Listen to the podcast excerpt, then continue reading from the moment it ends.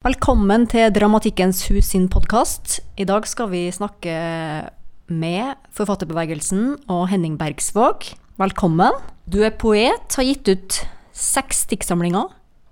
Debuterte i 1999 med 'Trøsten en antologi'.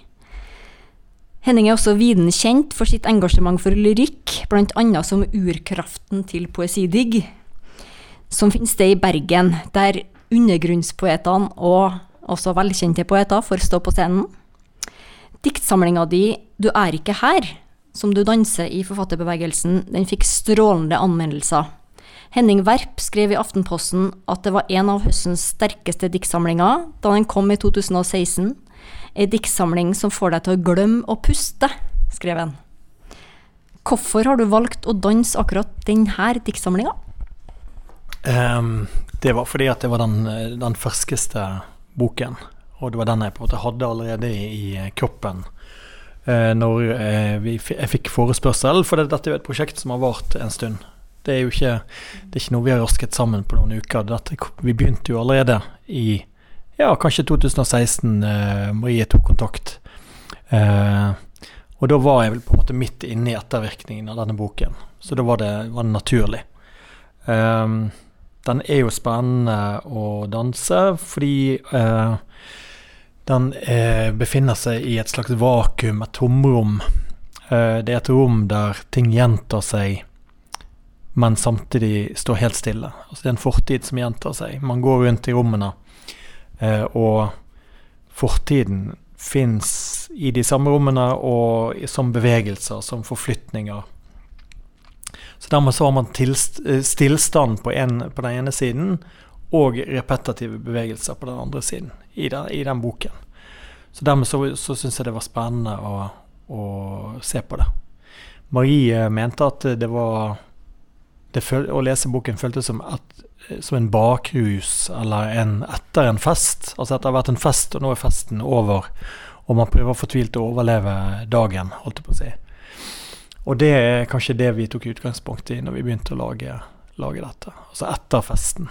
Eller baksiden av festen. Så dansen er en slags reparasjon? Ja, det kan du si. Eller en forsøk på overlevelse, sånn som vi kjenner bakhusen eh, på sitt verste, vil jeg si. Mm. Ja. Eh, du har jo vært med i en del danseprosjekter før, bl.a. sammen med Haugen-søstrene fra Tromsø. Eh, så dans er jo ikke noe sånn nytt for deg på den måten. Kan du si litt om forholdet mellom tekst og dans?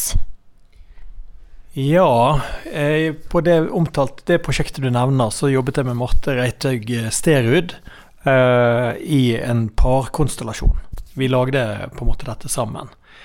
Eh, og da snakket vi veldig mye om dette, fordi at da skulle jeg komme inn med min tekst, og så skulle Marte være danseren.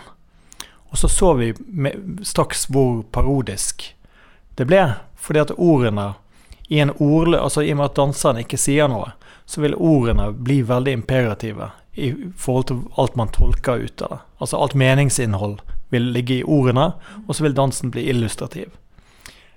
Med andre ord veldig kjedelig, og dansen blir bare en som en slags blomst eller en, en, noe vakkert som foregår i bakgrunnen. Eh, så vi måtte finne ulike strategier å bryte ned dette hierarkiet på. Eh, og vi fikk jobbe sammen en hel måned. Uh, og det Jeg følte jeg lærte mye allerede da. Det var første gang jeg kom bort i dans. Så når meg og Marie har Vi har på en måte fortsatt denne prosessen. Vært, men, men det, det, det, er veldig sånn skrekkinngytende for meg å være utøveren. Jeg har alltid stått for tekst eller scenografi eller sånne ting i, i denne dansen, danseverden.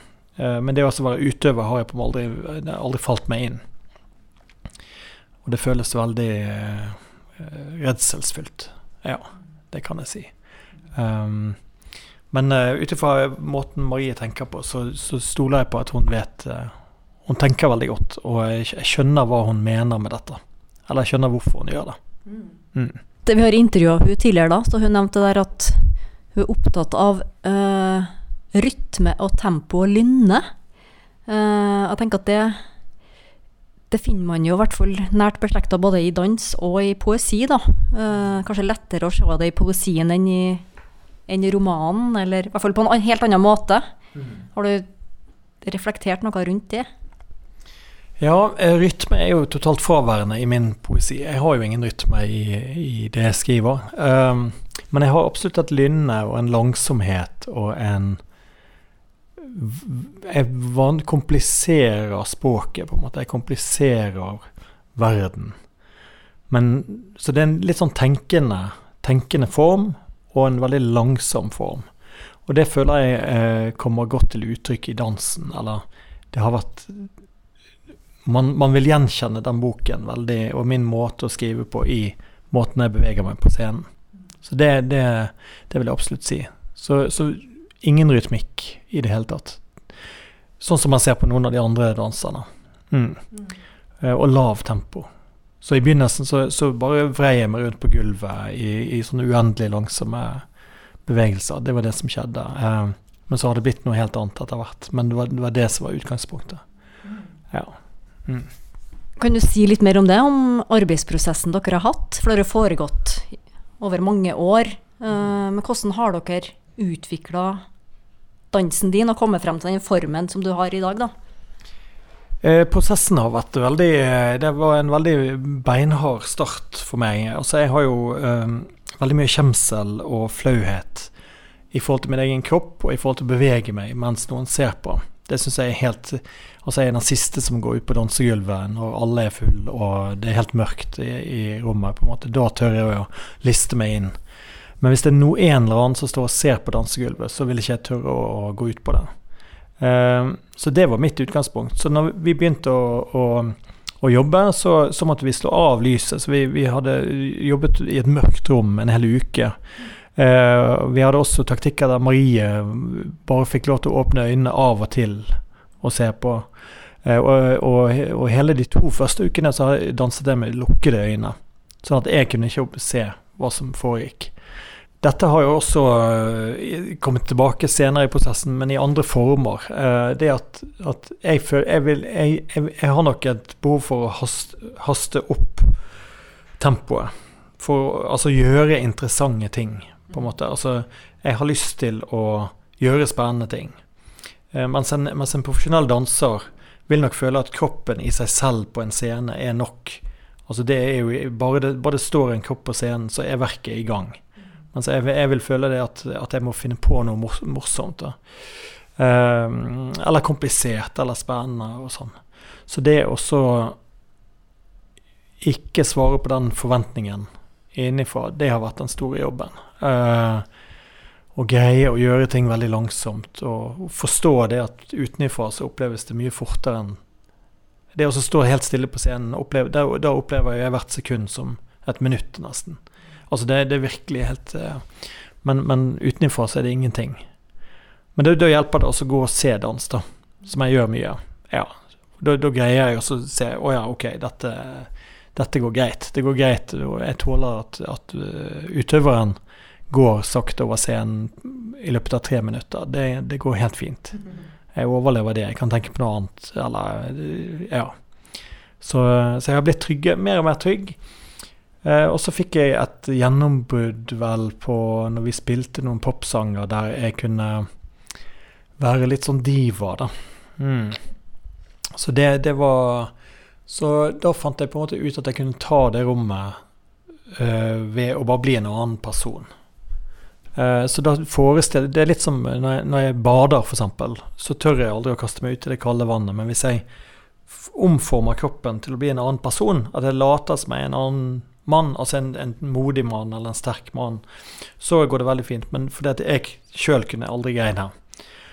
Uh, så da tenkte jeg kunne bruke samme metoden her. Og da jeg, tar jeg på meg en sånn 70-årig kvinneskikkelse, eh, eller jeg kan bruke det iallfall, som er en gammel diva, og som helt naturlig strekker armene ut og eh, Eller tar på sin egen kropp, eller, eller, som føler seg helt naturlig som en stjerne i rommet. da.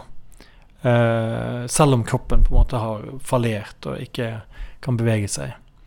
Så det, det, det, var en sånn måte å, å ut, eller finne et språk da, ved siden av denne, denne refleksjonen og tenkningen.